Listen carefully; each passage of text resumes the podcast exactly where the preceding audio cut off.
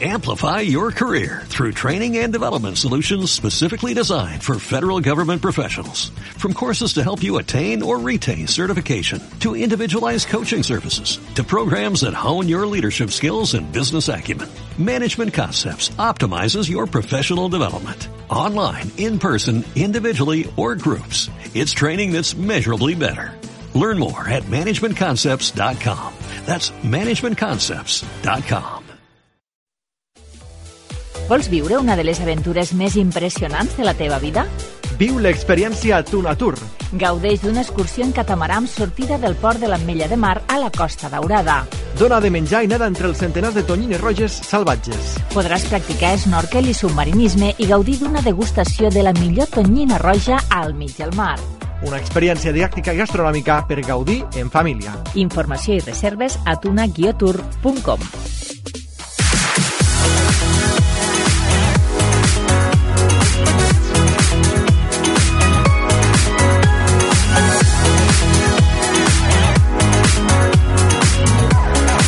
dia Terres de l'Ebre, amb Josep Pitarc. Benvinguts a una nova edició del programa El Dia Terres de l'Ebre. Eh, setmana, encetem mes i també encetem format de programa. A partir d'avui mateix aquest programa estirà acompanyant-nos de la una a les dues amb un contingut eh, bàsicament informatiu i també amb entrevistes eh, més, més estivals, més... Eh, bé, més eh, podem dir. Eh? Per tant, a partir d'ara mateix i fins a les 2, a través de la seva emissora municipal de ràdio i dels companys i companyes d'aquestes emissores, els proposem seguir-nos i per estar al dia Terres de l'Ebre a través de la plana ràdio Terigina i Clara Seguí, Núria Mora, Clàudia Ruiz i Lluc Magaldí des de Ràdio Tortosa, Francesc Callau i Daniel Rodríguez des de la Cala Ràdio, Judit Castells i Jonathan Valls des de Ràdio Joventut i Eduard Carmona i Leonor Bertomeu des de Ràdio Delta. Comencem ara mateix ja amb les notícies.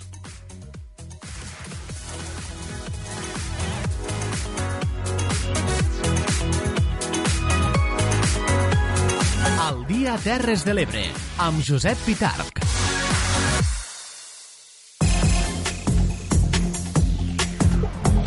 Unes notícies que pel que fa aquest dilluns 1 de juliol a les Terres de l'Ebre presenta els següents titulars. Els bombers donen per controlat l'incendi de la Ribera d'Ebre. Per la seva banda, el president de la Generalitat anuncia un pla de xoc per ajudar als afectats. Els Mossos detenen a Tivenys dos joves per suposats abusos a una menor i a un altre home per una agressió amb arma blanca. Desenes de brencs es desplacen a Estrasburg per a participar en la concentració de demà a les portes de l'Eurocambra. El primer ple del nou mandat a l'Ajuntament de Tortosa debatrà tres mocions del PSC i de Movem Tortosa. Santa Bàrbara distribueix regidories i aprova les retribucions per a aquesta nova legislatura. Salpa del Port de la Cala, una nova edició del projecte Bitàcora. La llar d'infants d'Amposta La Gruneta acollirà la trobada territorial d'escoles verdes. Comencen les activitats d'estiu al casal dels Ballarics a Santa Bàrbara. L'edifici jove Lo Carrilet de Tortosa programa més de 15 activitats i tallers per a aquest estiu jove 2019. Comencen els cursos d'estiu a la piscina de l'AUB de Jesús i Maria.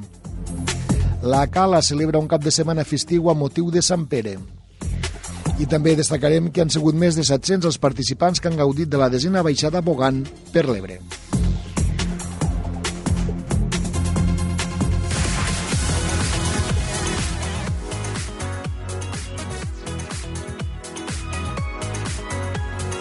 El dia Terres de l'Ebre, amb Josep Pitarc.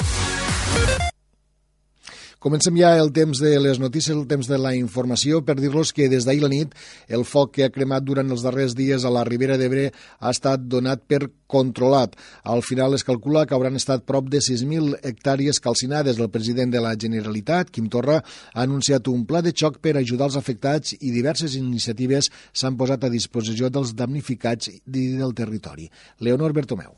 Després de quatre dies cremant, els bombers de la Generalitat van donar finalment ahir diumenge al vespre per controlat l'incendi de la Ribera d'Ebre, que ha acabat afectant finalment unes 6.000 hectàrees. El foc ha estat el més devastador dels últims 20 anys al territori. A partir d'este dilluns es començaran a avaluar els danys ocasionats pel foc en els vuit municipis afectats.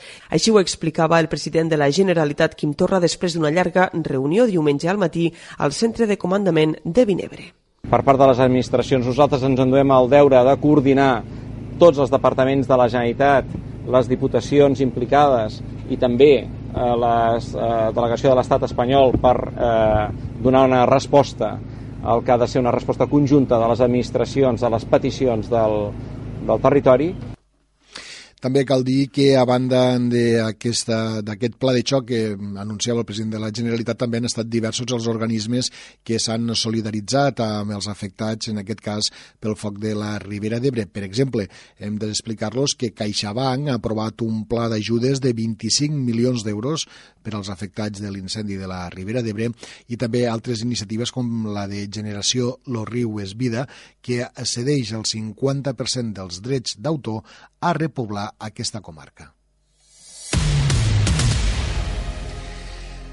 Deixem la notícia, parlem del fet divers. El Ball de Quintos de Tibeny, celebrat la matinada del passat dissabte, va acabar amb tres detencions per dos presumptes delictes envoltats de certa gravetat i sobretot molta controvèrsia i malestar. Els fets van passar a partir dels 4 de la matinada quan el ball ja s'havia acabat. Segons diversos veïns, els dos successors van produir-se no estan directament relacionats, tot i que van acabar amb dos joves ingressats a l'Hospital Verge de la Cinta provinents de les festes de, les festes de Tivenys. Hi hauria un ambient molt alterat i poca seguretat a més de 200 joves presents, va comentar un veí, motiu pel qual es va decidir avisar els Mossos. El primer succés va produir-se quan un grup de joves de nacionalitat estrangera van dirigir-se a unes noies i un d'ells va fer-li tocaments, va explicar un dels veïns, arran dels quals els Mossos van procedir a la detenció de dos individus de 21 i 25 anys. Un es va donar a la fuga i el van detenir al cap de poc temps després, però el segon va intentar enfilar-se per una façana. Segons els Mossos, aquest segon presumpte delinqüent va caure, se va fer lesions al turmell i va ser traslladat a l'hospital on va ser intervingut quirúrgicament. També Eh, va estar aquest matí de diumenge, un cop li van donar l'alta en què va ser detingut per passar tots dos acusats per presumptes abusos sexuals a disposició judicial. I l'altre succés que va tenir lloc la mateixa nit de dissabte durant el Ball de Quintos va tindre com a lamentable protagonista un jove de Xerta, de la veïna població. Eh, el xertolí va ser detingut per un delicte de lesions amb arma blanca, va discutir amb un altre jove de Tivenys i li va clavar una punxada a l'estómac, segons les fonts policials consultades. Per sort no el va afectar el fetge, tot i que li va anar molt a prop, van explicar les mateixes fonts.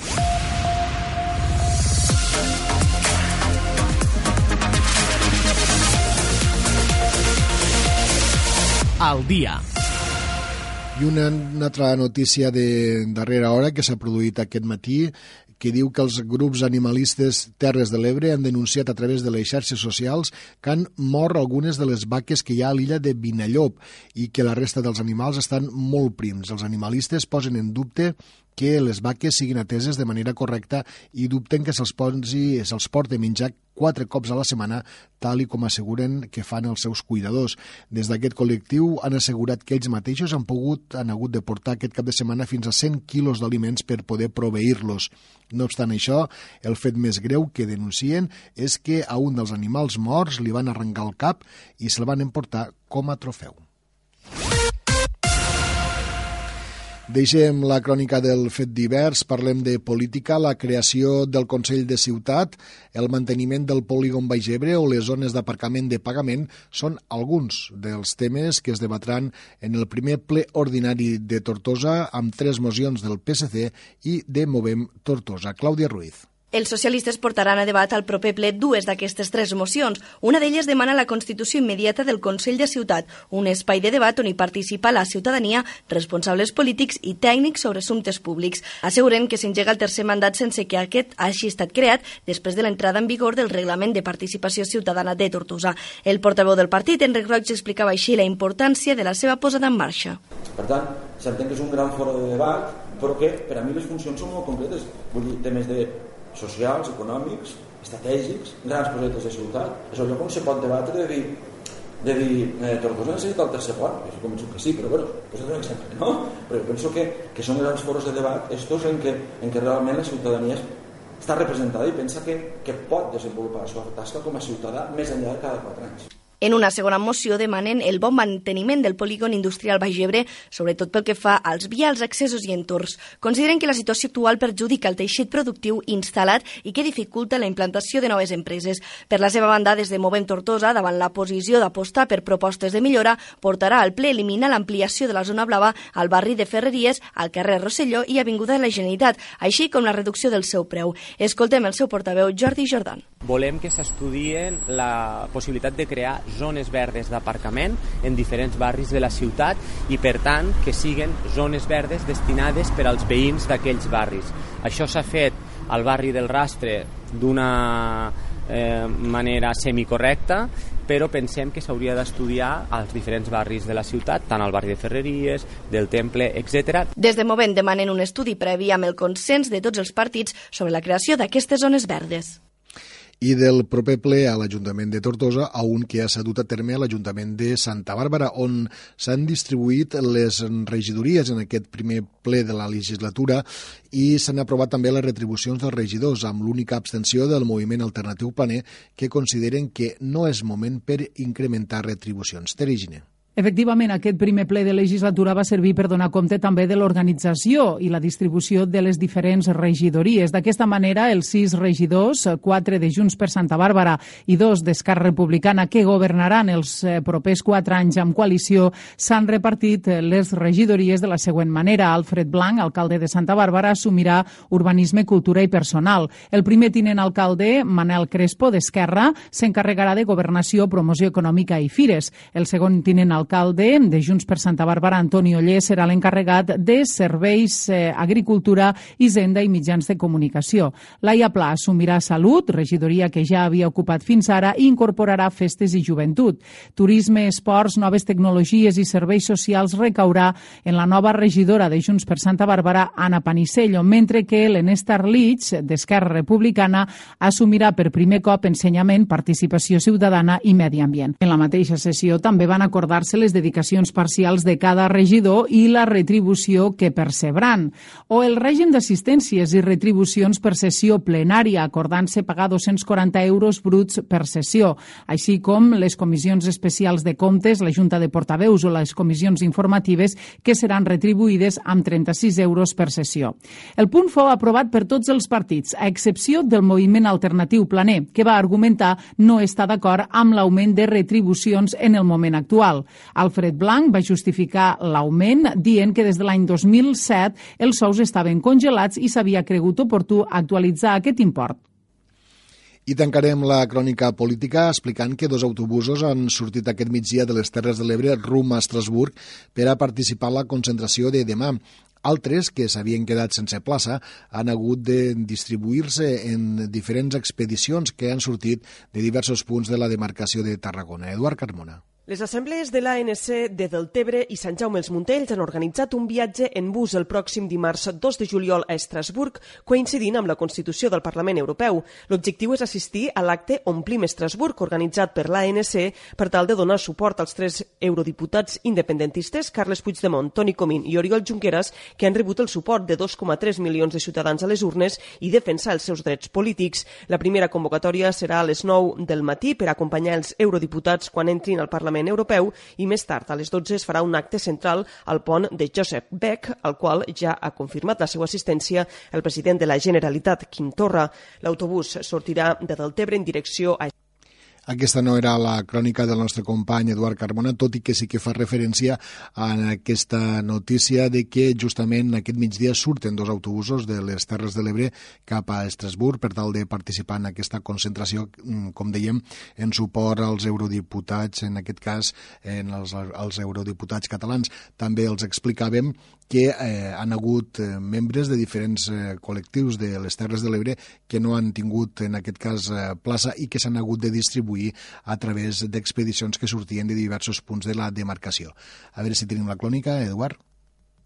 Es calcula que demà unes 6.000 persones es concentraran a les portes de l'Eurocambra a Estrasburg per reclamar els drets dels eurodiputats electes Carles Puigdemont, Oriol Junqueras i Toni Comín i que puguen prendre possessió dels seus escons. De les Terres de l'Ebre, aquest mateix migdia han sortit dos autobusos, un de les comarques de la Terra Alta i la Ribera d'Ebre i un altre del Montsià i el Baix Ebre. Tot i això, altres ebrencs s'han distribuït per altres expedicions que han sortit de diversos punts de la demarcació de Tarragona. Justament ha estat el cas de la responsable de l'Assemblea Nacional Catalana de Sant Jaume d'Enveja, Lluís Adell, que ens ha confirmat que ja han arribat a Estrasburg i s'ha mostrat esperançada i optimista pel futur dels eurodiputats catalans. El Departament de Justícia Europeu eh, ha, ha, ha agafat a tràmit el recurs que ha ficat el Puigdemont i el Comín i estem aquí tots eh, parlant i una mica en la línia de que veurem si tenim aquesta alegria no? de que pugui eh, fer-se eh, parlamentari i poder optar el seu escó. L'optimisme i l'esperança no l'han de perdre. Fem, anem cap allà per donar recolzament i alhora poder tindre una mica de, no? d'aquesta mica d'esperança i que poguéssim gaudir de que, que es pugui seure, que es puguen seure al seu escó al Parlament. Està previst que des de Catalunya siguin un total d'uns 80 autobusos els que arribin demà a la capital europea, així com també diversos vols xàrter. Deixem la crònica política, tractem altres qüestions. Una desena d'alumnes d'escoles cooperativistes de Madrid salpen de la Mella de Mar per participar d'una nova edició del projecte Bitàcora. Aquest dissabte van començar una travessia amb vaixell de set dies pel mar Mediterrani que busca apropar-los a la cultura marinera. Francesc Callau. Els joves participants al projecte viuran una setmana al mig del mar viatjant fins a les illes Columbrets, l'illa de Cabrera i la Dragonera ho faran navegant a bord de la goleta Alania Ecocharter, un vaixell que té una filosofia 100% ecològica. Dani Méndez és el propietari de l'embarcació. Són uns col·legis de Madrid, que són cooperatives de pares, que porten més de 8 col·legis, i el que fan és que cada any els alumnes amb millors notes, i millor comportament i millors valors, doncs són els que guanyen, diguéssim, aquestes places. No? Sortim des del port de l'Atmella de Mar, primer fem nit a, a l'abadia dels Alfars, Pacs i d'allà ens n'anem fins a la Reserva Natural de Columbretes. Després ens n'anem a, a Cabrera, a Mallorca, d'allà ens n'anem a Dragonera, i bueno, en una setmana de convivència amb tots els alumnes i la tripulació doncs, eh, fem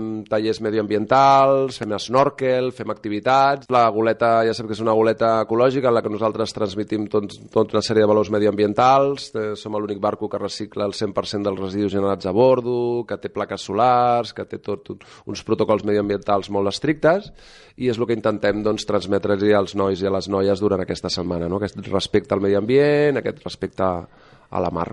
Precisament durant la travessia faran classes pràctiques d'ecologia marina a càrrec de professors especialitzats en educació ambiental. També faran activitats com el busseig o podran avistar cetacis. Per aconseguir una de les places, els alumnes han hagut d'elaborar un treball multidisciplinari sobre el Mediterrani enfocat a les dones oceanògrafes. Canviem de tema. La llar d'infants d'Amposta La Gruneta acull la trobada territorial d'escoles verdes el proper 13 de juliol. Judit Castells. La llar d'infants municipal La Gruneta serà el punt de referència el 13 de juliol de la trobada territorial de llars d'infants i escoles bressol del programa d'Escoles Verdes que cada dos anys el programa organitza entre les llars d'infants i escoles bressol del Camp de Tarragona i les Terres de l'Ebre. Entre les diferents activitats de la trobada hi haurà una taula rodona on els centres presentaran les seves experiències i compartiran dinàmiques per implementar el sistema d'escola verda a les escoles bressol i llars d'infants. Entre les idees que presentaran els centres destaca un projecte per treure els bolquers i les tovalles tovalloletes de les llars, un seguit d'activitats per fomentar la relació dels infants amb l'entorn o fins i tot per introduir la tècnica del compostatge als centres. El programa Escoles Verdes, que el curs 2018-2019 ha celebrat els seus 20 anys, té com a objectius ajudar els centres educatius a incorporar els valors de l'educació per a la sostenibilitat en tots els àmbits de la vida del centre, promoure la participació i la implicació activa de la comunitat educativa en la millora del seu entorn i afavorir l'intercanvi entre els centres que comparteixen uns mateixos objectius.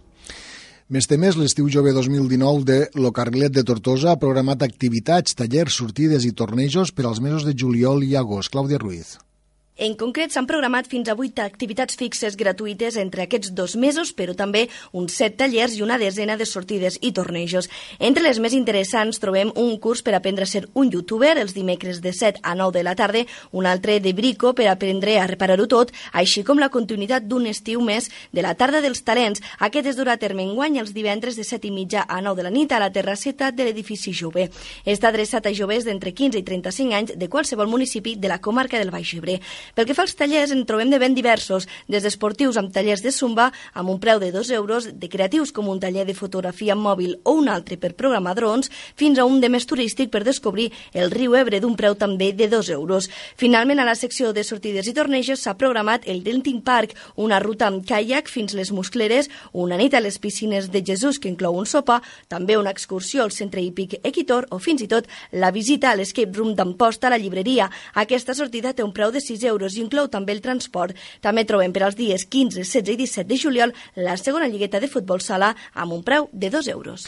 I al municipi de Santa Bàrbara s'han iniciat els casals d'estiu. Un dels més eh, concorreguts és el dels Ballarics, on hi participen més d'una trentena de xiquets i xiquetes setmanalment. Teregine. Santa Bàrbara porta a terme diferents casals eh, durant aquest estiu. El que té més trajectòria és el que organitza la Regidoria de Serveis Socials, el casal d'estiu Els Ballarics. Enguany ha arrencat amb una àmplia oferta d'activitats per a xiquets i xiquetes eh, del municipi i de pobles veïns que els permetrà endinsar-se en la cultura del món.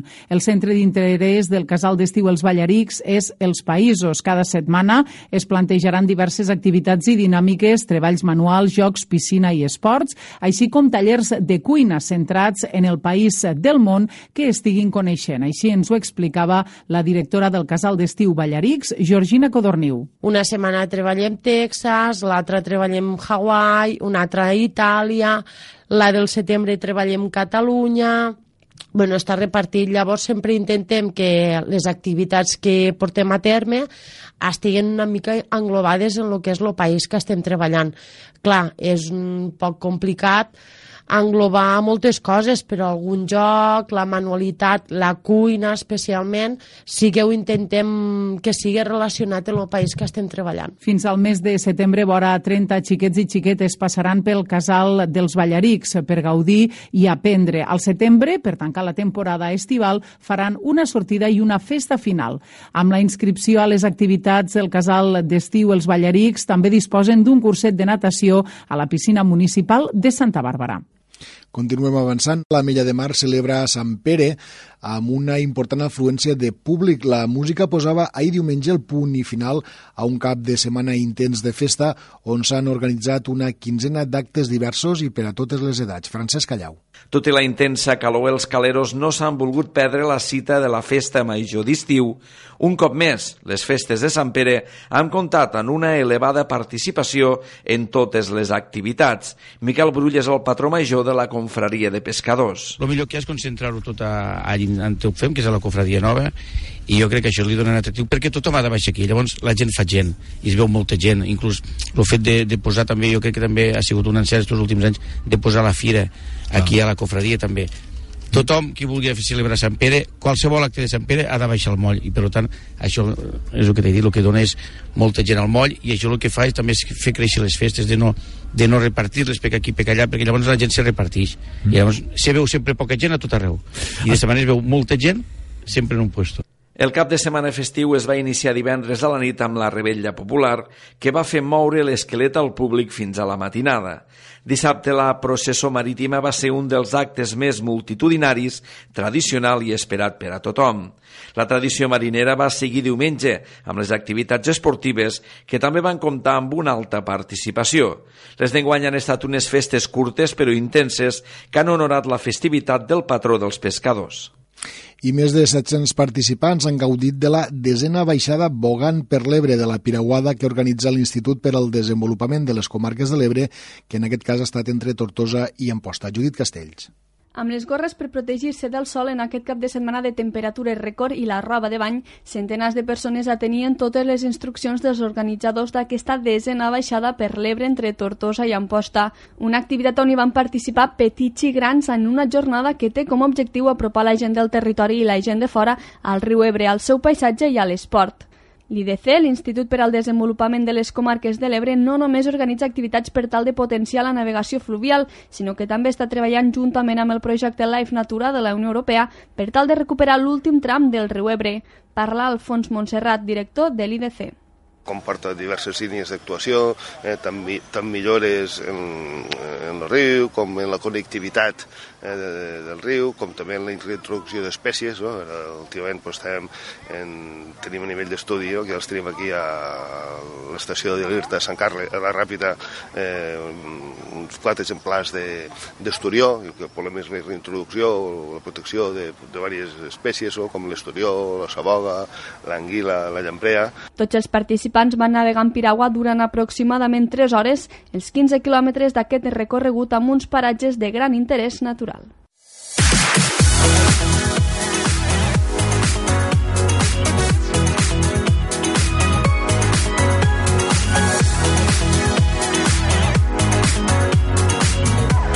El dia Terres de l'Ebre, amb Josep Pitarc. I deixem ja l'apartat de les notícies, anem de continuar amb més continguts quan són ara mateix dos els minuts que passen del punt de la una i mitja i passem ja a l'apartat de l'entrevista. El passat dijous el Museu Nacional d'Art de Catalunya va tancar portes al públic donat que feien un, un sopar de gala d'uns premis i s'esperava la visita del rei Felip VI. Per aquest motiu es va prendre la decisió de no deixar entrar ningú per motius de seguretat, però just el dijous s'havia d'inaugurar al mateix museu el projecte Una gestió diferent del dolor de l'artista postí Oriol Fuster, que ha estat eh, posposada ara fins al mes de setembre. Donat que Oriol s'havia comprat ja el bitllet d'avió per venir de Suïssa a Barcelona per a la inauguració, el jove pensa que li han fet gastar uns diners inútilment i, per tant, li va enviar una carta al rei, a Felip VI, demanant-li que li retorne els 100 euros del bitllet. La carta s'ha convertit en viral i ha acaparat molts eh, diversos espais en mitjans de comunicació. Oriol Fuster, bon dia. Bon dia. Més o menys la, la pel·lícula dels fets és la que acabem d'explicar, no? Exactament, ho has, ho has explicat perfectament. Molt bé. Mm, T'ha dit alguna cosa des de la Casa Reial? T'han respost? De moment no hem tingut, no hem tingut resposta. I ara tu estàs aquí, al territori, o estàs a l'estranger? Estic en posta, estic en posta. Estàs en posta. No... Molt bé. Eh, Oriol, una cosa. Què, què vas sentir quan te diuen que el teu projecte s'havia de posposar eh, perquè anava el, sa majestat el rei? Home, doncs mos vam enfadar una miqueta, no? A veure, eh, d'alguna forma són aquestes coses que dius, ostres, eh, hi ha vegades que hi ha com certes realitats que et queden com molt a lluny, no? O que les veus com molt, doncs molt de la tele, saps? Mm. O, molt, o no te'n recordes en quotidià, no? De coses com, pues això, que hi ha una monarquia o aquesta mena de coses. I de cop i volta t'escarritxa directament d'una forma particularment d'això i et sacseja. A mi em va tocar una mica el nas, perquè, a veure, eh, la vida, intentar guanyar la vida escrivint d'artista, doncs ja ho sabeu, no és precisament un massatge, no? Mm. I ja és tot prou precari. A més, concretament, en este, en este projecte, doncs, la veritat, he ficat molt d'esforç, ha sigut un any llarg de, de treball i, bueno, pues, los 100 euros d'estos del, del bitllet d'avió, no? Concretament, jo estava a Suïssa perquè estava buscant faena, a més, perquè pues, els números no surten, no surten molt malament, i va ser com, ostres, una sacsejadeta simbòlica, no?, d'alguna forma. Llavors, bueno, pues són les coses que, que sabem. Sovint són bastant, són bastant impotents a l'hora de respondre certes coses. O sigui, més, més o menys anecdòtic. Però al final el que queda sempre com a mínim és el puntet de dignitat o de protesta o de, com a mínim, posar sobre la taula les coses. No? És el que et volia, és el que et volia preguntar, Oriol. Eh, eh, realment, a banda de demanar els diners, que és l'anècdota, podem dir, hi ha una, una hi ha una intenció detrás d'esta carta, no? Sí, a més és com... Sembla fet expressament, quasi, no? Perquè, a veure, jo, jo el projecte este que he estat treballant, una gestió diferent del dolor, és un, és un itinerari pel Museu Nacional, ¿vale? és, una, és una visita guiada, però des d'una mirada diferent a la que se sol tindre, mm. en la que intento d'alguna forma pues, que les subjectivitats que diem, no? les mirades, les, les perspectives que no solen estar representades en institucions com esta, eh, tinguen un lloc. No? Estem massa acostumats a que se mos diu que el poder i la norma i lo normal pues, és un cert arquetip d'home, blanc, europeu, heterosexual, de classe mitjana, etc. Dins d'esta lògica evidentment hi ha una qüestió molt doncs, d'horizontalitat, ai, de verticalitat, perdona, no?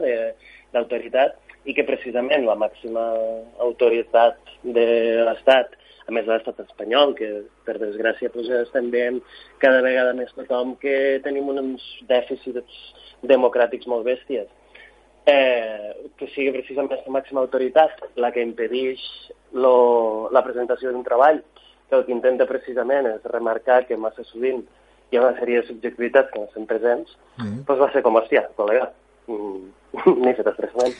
Eh, perquè, per, perquè tu, Oriol, havies ja fet algunes col·laboracions, no?, al, a l'EMNAC. No, l'EMNAC és la primera vegada que hi treballo. Uh -huh. Molt bé. I, i, I ara suposo que per motius de l'agenda la, de de, del museu eh, t'han dit que serà al setembre, no?, quan podràs presentar això? Sí, inicialment s'ha ficat sobre la taula de fer-ho el juliol, però ens va semblar que no era massa bona època, no? perquè pues, que més que menys el juliol estem en el cervell fregit o de vacances. Mm. Llavors ens va semblar que, bueno, pues que igual valia la pena passar el setembre a, a l'inici de curs. No? La gent se fa se comença a fer fascicles i col·leccions al setembre i una mica de pues, també, també vindrà la presentació. I quan eh, aquest projecte, que la veritat és que, que el, pel que ens has explicat trobem que és molt interessant, eh, és presentació o a partir del setembre començarà a aplicar-se la possibilitat d'aquesta eh, visita guiada eh, pel Museu Nacional d'Art de Catalunya?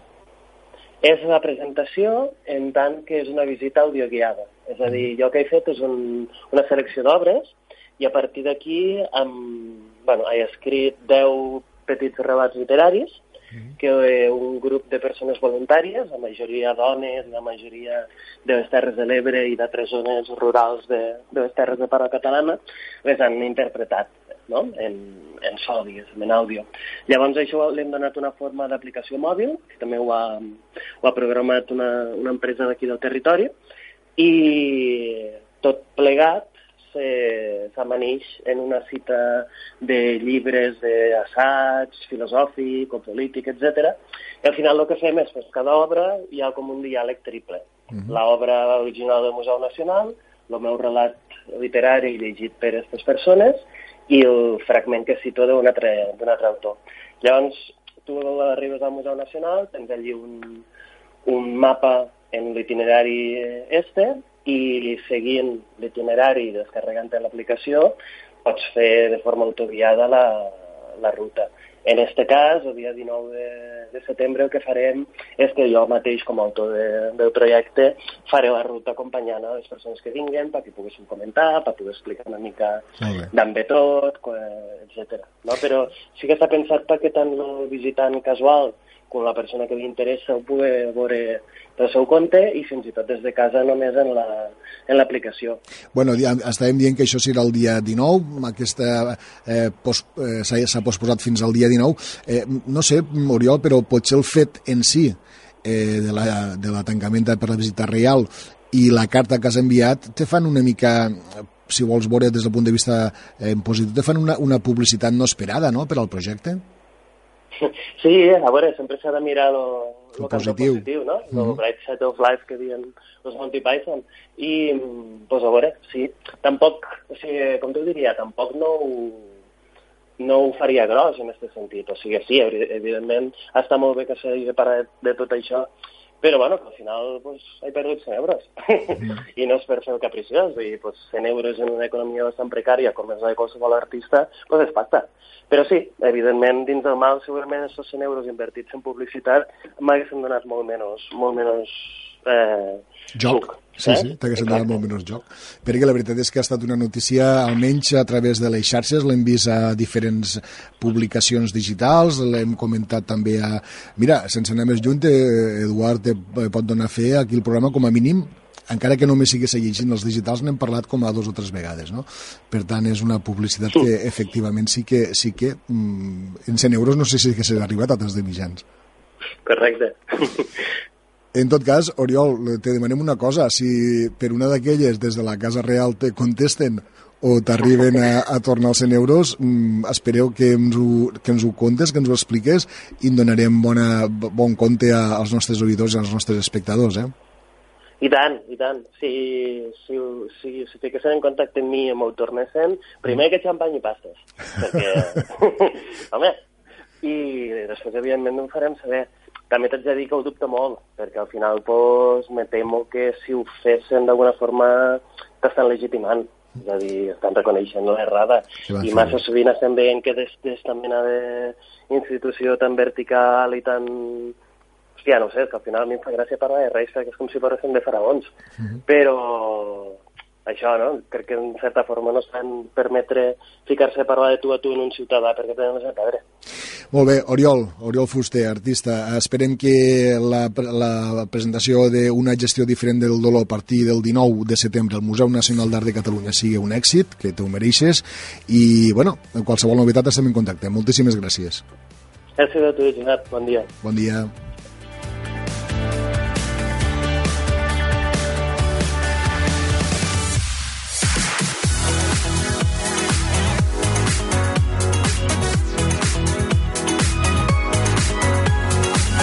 Dia Terres de l'Ebre, amb Josep Pitarc.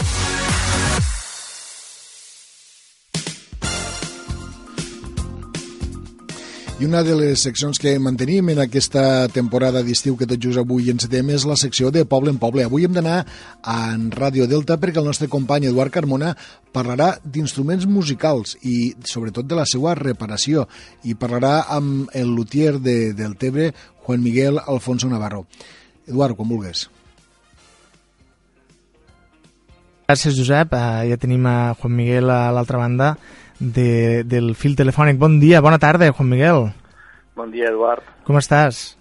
Bé, mira. Bé, Juan Miguel Alfonso Navarro és músic, és professor de música a l'Institut Martí Franquès de Tarragona, és director de la banda jove L'Espigador i és professor de clarinet i solfeig també a la banda Espigador del Tebre i, últimament, és luthier, una professió de la que n'escassegen professionals i a la que has decidit eh, dedicar-te.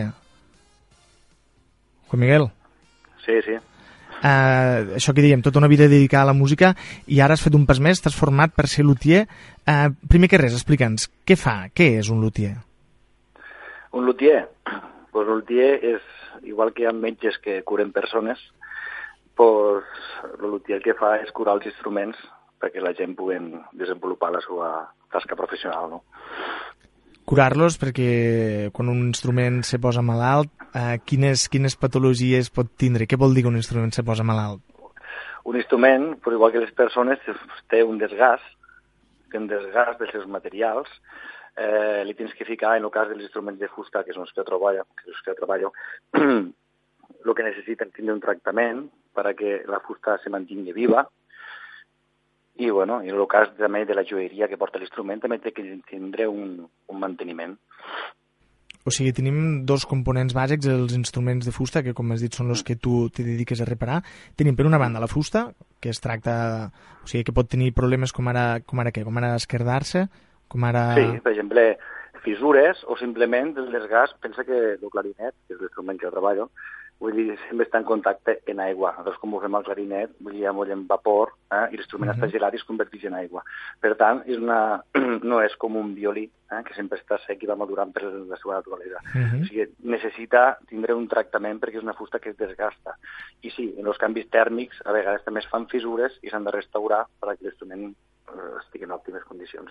És curiós perquè moltes vegades la gent que, que escoltem, que ens agrada escoltar la música o que fins i tot hem tocat instruments musicals no, no, no tenim gaire clar eh, la feina, la gran feina que hi ha detrás d'un luthier, no?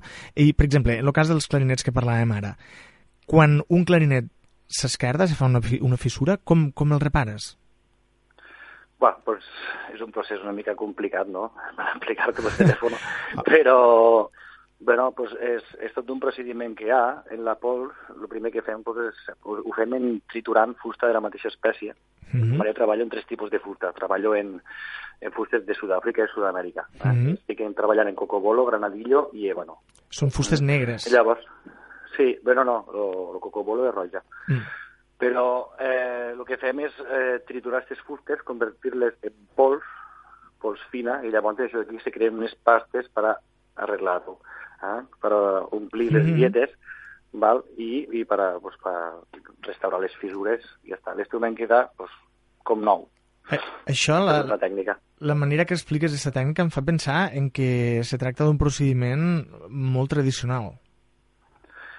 Sí, a veure, és que estem parlant d'instruments que ja són tradicionals, no? Mm -hmm, I encara que tinguin una construcció mecànica en torneria i en joieria, no? en premses i tal, sí, és, és un instrument tradicional i s'ha de tractar com a tal. A part, és un instrument molt natural. O sigui, estem treballant uh -huh. en fusta. Eh? Vull dir, això no ho hem d'oblidar mai, no? La fusta sempre està viva, la, la fusta no es mor mai. Per això sempre he fet la comparació amb els metges, no? Perquè, -huh. a veure, és una cosa, els metges tracten persones i nosaltres no deixem de treballar en fusta, que també és una matèria viva, sempre contínuament. Uh, la, la teva feina de lutier desperta molt d'interès i això es demostra, per exemple, entre altres coses, amb el reportatge que et van dedicar els companys del diari de Tarragona, que t'anomenaven lo metge d'instruments, no? El doctor de los instrumentos. Sí. o sigui, és que me fa, me fa molta gràcia, perquè jo et conec personalment i t'imagino en la bata, no? en una mica en instruments més rudimentaris que els d'un metge, però fent el mateix, no? Aviam, a veure, tu sí, tu sí, no? Fent coses al clarinet. Uh, Juan Miguel, quants, quants lutiers hi ha a les nostres terres? Lutiers, que jo conec molt pocs, val? i a més en la... O sigui, jo podria dir, entre cometes, innovar en algo que he fet, és que jo simplement me dedico a lo que és el meu instrument, professionalment parlant. Eh? Jo soc clarinetista, i normalment els lutiers que han hagut ha sigut gent que han tingut que dedicar-se una mica a arreglar-ho tot per la, perquè feia falta, no? I, pues, una persona arreglava trompetes, trombons, clarinets, saxos, el que fes falta, no? Uh -huh. I jo el que ofereixo al meu client és que jo també sóc un clarinetista, no? Llavors, eh, entra, aquí entra la part de, de customitzar un instrument, saps? Vull dir, ja no és... Quan ve un client que és amateur o que és un alumne que comença, doncs tu fas Mhm. un ajust estàndard a l'instrument. Però quan te ve un professional ja fas una cosa més a mida. Uh, això és molt interessant, perquè una professió tan específica com la de luthier, i a més a més, en el teu cas, especialitzat quasi exclusivament només en clarinets. Només, sí, sí. Sí, sí, o sigui, no quasi exclusivament, exclusivament en clarinets. Sí, sí, exclusivament en clarinets, perquè considero que, a veure, has de, t'has de dedicar a lo que tu pots provar, no? A lo que... El que pots, sé, pots a- verificar a- que has fet bé, no? verificar que una cosa funciona bé i és el que tu vols, no? Saps?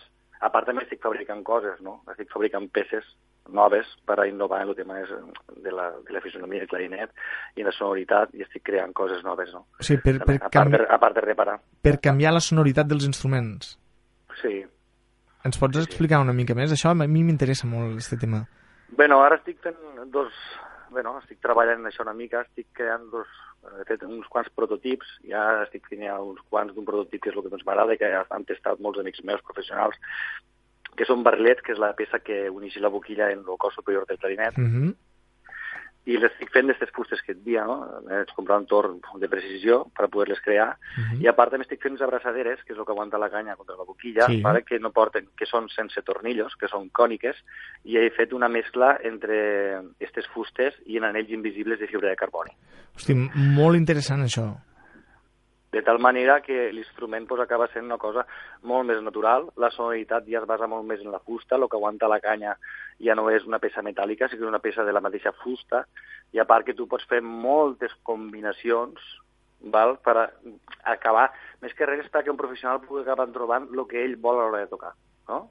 Mhm. En el cas de les abraçaderes, per exemple, ara me les van, comprar, me les van provar al, al Conservatori de Saragossa, al Superior de Saragossa, me les van Mhm. provar, em vaig enviar unes quantes, i, i pues, bueno, és interessant perquè vas rebent pues, coses que els agraden, coses que no, no? Es- Estic creant una mica el producte i, per exemple, em diuen que projecten massa, m'han dit, és que projecten massa, clar, allí toquen molt i estan forts tocant, no? I ara el terme projecten massa vaig dir, pues mira que bé, no? Que bé, no? Sí, sí, clar, va semblar- Que bé que sonen massa, no? bueno, Hosti, molt interessant. És que la creació de, la, el perfeccionament d'un instrument quasi en directe, no? Això sí que seria una mica més innovador i, i digne de- d'una persona que s'ha dedicat tota la vida a la música i que també conviu en una època on hi ha les noves tecnologies com tu. Juan Miguel, ja per acabar, a on te, pot, a on te podem trobar si necessitem arreglar el nostre clarinet? pues mira, tinc una adreça electrònica, Mhm. val? que és clarinet luthier, luthier en TH, eh? clarinetluthier arroba gmail.com Ahà. i si no, el meu número de telèfon. El teu número de telèfon, que és el 653... 653 04 24 28. Molt bé, doncs 653 04 2428 si voleu contactar amb Juan Miguel Alfonso, el metge dels instruments, en concret del metge dels clarinets. Juan Miguel, moltes gràcies per atendre la nostra trucada. Gràcies a tu, Eduard. Ens, ens parlem. Ens parlem. Gràcies. Adéu. Adéu.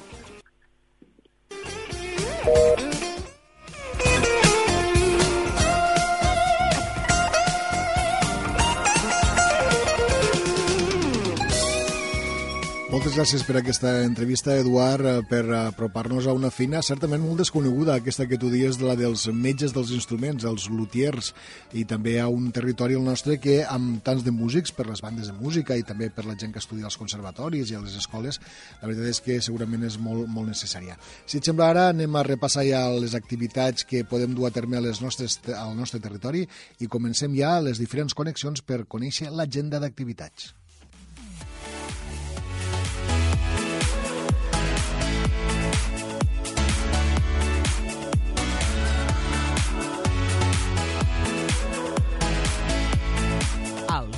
L'agenda de les Terres de l'Ebre. I per conèixer les activitats que hi ha al nostre territori anirem en, aquest, en aquests instants, primer que res, als estudis de Ràdio Joventut a Mas d'Enverge, on hi ha Judit Castells. Judit, bon dia. Bon dia, Josep. Doncs avui, com cada dia, des de Radio Joventut us portem diverses propostes per fer durant la setmana al nostre territori. En posta estem en ple Festival Mont Filmat, el Festival Internacional de Cinema i Paisatge que organitza el Centre d'Art de les Terres de l'Ebre Lopati, un certamen que per primer cop ha ampliat els escenaris de projecció a Poblenou del Delta i a Sant Carles de la Ràpita. Dimecres se projectarà al Casino d'Amposta el film Nuestro Tiempo. A les 6 de la tarda i a les 10 de la nit a la Ràpita se podrà veure a la fresca Buñuel en el laberinto de las tortugas tortugas, Carelia, Cenizas, Staff Only, La ciutat oculta, Love Me Not i Lázaro Felice són els noms d'altres films que se podran veure durant tota la setmana. Totes les projeccions són gratuïtes i van acompanyades de picadetes i food trucks, una molt bona proposta per gaudir de curtmetratges i llargmetratges d'alt nivell. I pel cap de setmana, concretament el dissabte 6 de juliol i en caire gastronòmic, us recomano apropar-vos a les Cases d'Alcanar per gaudir de la segona edició de la Festapa del Llagostí de les Cases d'Alcanar, una jornada organitzada per la la confraria de pescadors de Sant Pere de les Cases, on s'oferiran més de 1.500 tapes a 2 euros i mig cadascuna i amb begudes per 1 euro i mig. Moltes gràcies, Judit. Passem en aquest cas als estudis de la Cala Ràdio, a la Mella de Mar. Francesc Callau. Hola Josep, des de la Cala Ràdio la nostra proposta és la següent. Avui comencen els cursos de vela lleugera organitzats pel Club Nàutic de la Mella de Mar per a majors de 8 anys. Es fan de les 9 del matí a la 1 i mitja de la tarda. Al Centre d'Interpretació de la Pesca es poden visitar les exposicions Vaixells enfonsats al Golf de Sant Jordi durant la Primera Guerra Mundial i l'Escola del Pòsit, organitzada per la Confraria de Pescadors i Xavier Figueres. L'horari de visita és pel matí de 11 a 2 i per la tarda de 5 i mitja a 8 i mitja. I a l'Ampolla el Club Nàutic també ha començat els cursos de vela lleugera i windsurf i a partir de demà el pavelló vell de l'Ampolla acollirà la competició de Wheel Gymnastics dels World Sport Games de 3 a 7 de la tarda. Continuem al Baix Ebre, en aquest cas anem cap a Tortosa, on hi ha Clàudia Ruiz. Clàudia, bon dia. Morning feeling sad and Hola, Josep, a Tortosa. I got up this morning feeling sad and Hola, Josep. A Tortosa donem pas al mes de juliol amb la inauguració de la 26a mostra de jazz, on gaudirem d'una setmana plena d'actuacions musicals i d'altres activitats com exposicions, la tradicional Jazz Fira Disc o la mostra de cuina Cajun. La mostra de jazz de Tortosa s'inaugura avui amb aquesta veu que escoltem, el concert de la Big Mama Montse a les 9 i mitja de la nit al Parc Municipal Teodor González. Però tenim altres propostes. Aquesta tarda a les 7 i mitja es presenta el llibre Papa no vull que et tanquin a la presó de Robert García Garcia a la Biblioteca Marcelí Domingo. I finalment us proposem gaudir de les festes majors de Roquetes que finalitzen diumenge. Com a acte a destacar per avui tenim el Coso Iris a partir de les 6 i mitja de la tarda pel carrer Major. I acabarem aquesta ronda de connexions per conèixer l'actualitat de l'agenda, en aquest cas de les nostres terres, als estudis de la Plana Ràdio, on hi ha Teregina Tere. Bon dia. En clau d'agenda, pel que fa al municipi de Santa Bàrbara, us explicarem que estem immersos amb les jornades esportives eh, que finalitzaran properament. De fet, aquest divendres hem de recordar que a les 6 de la tarda es porten a terme les 12 hores de futbol sala, les 12 hores de pàdel i les 12 hores eh, de tennis.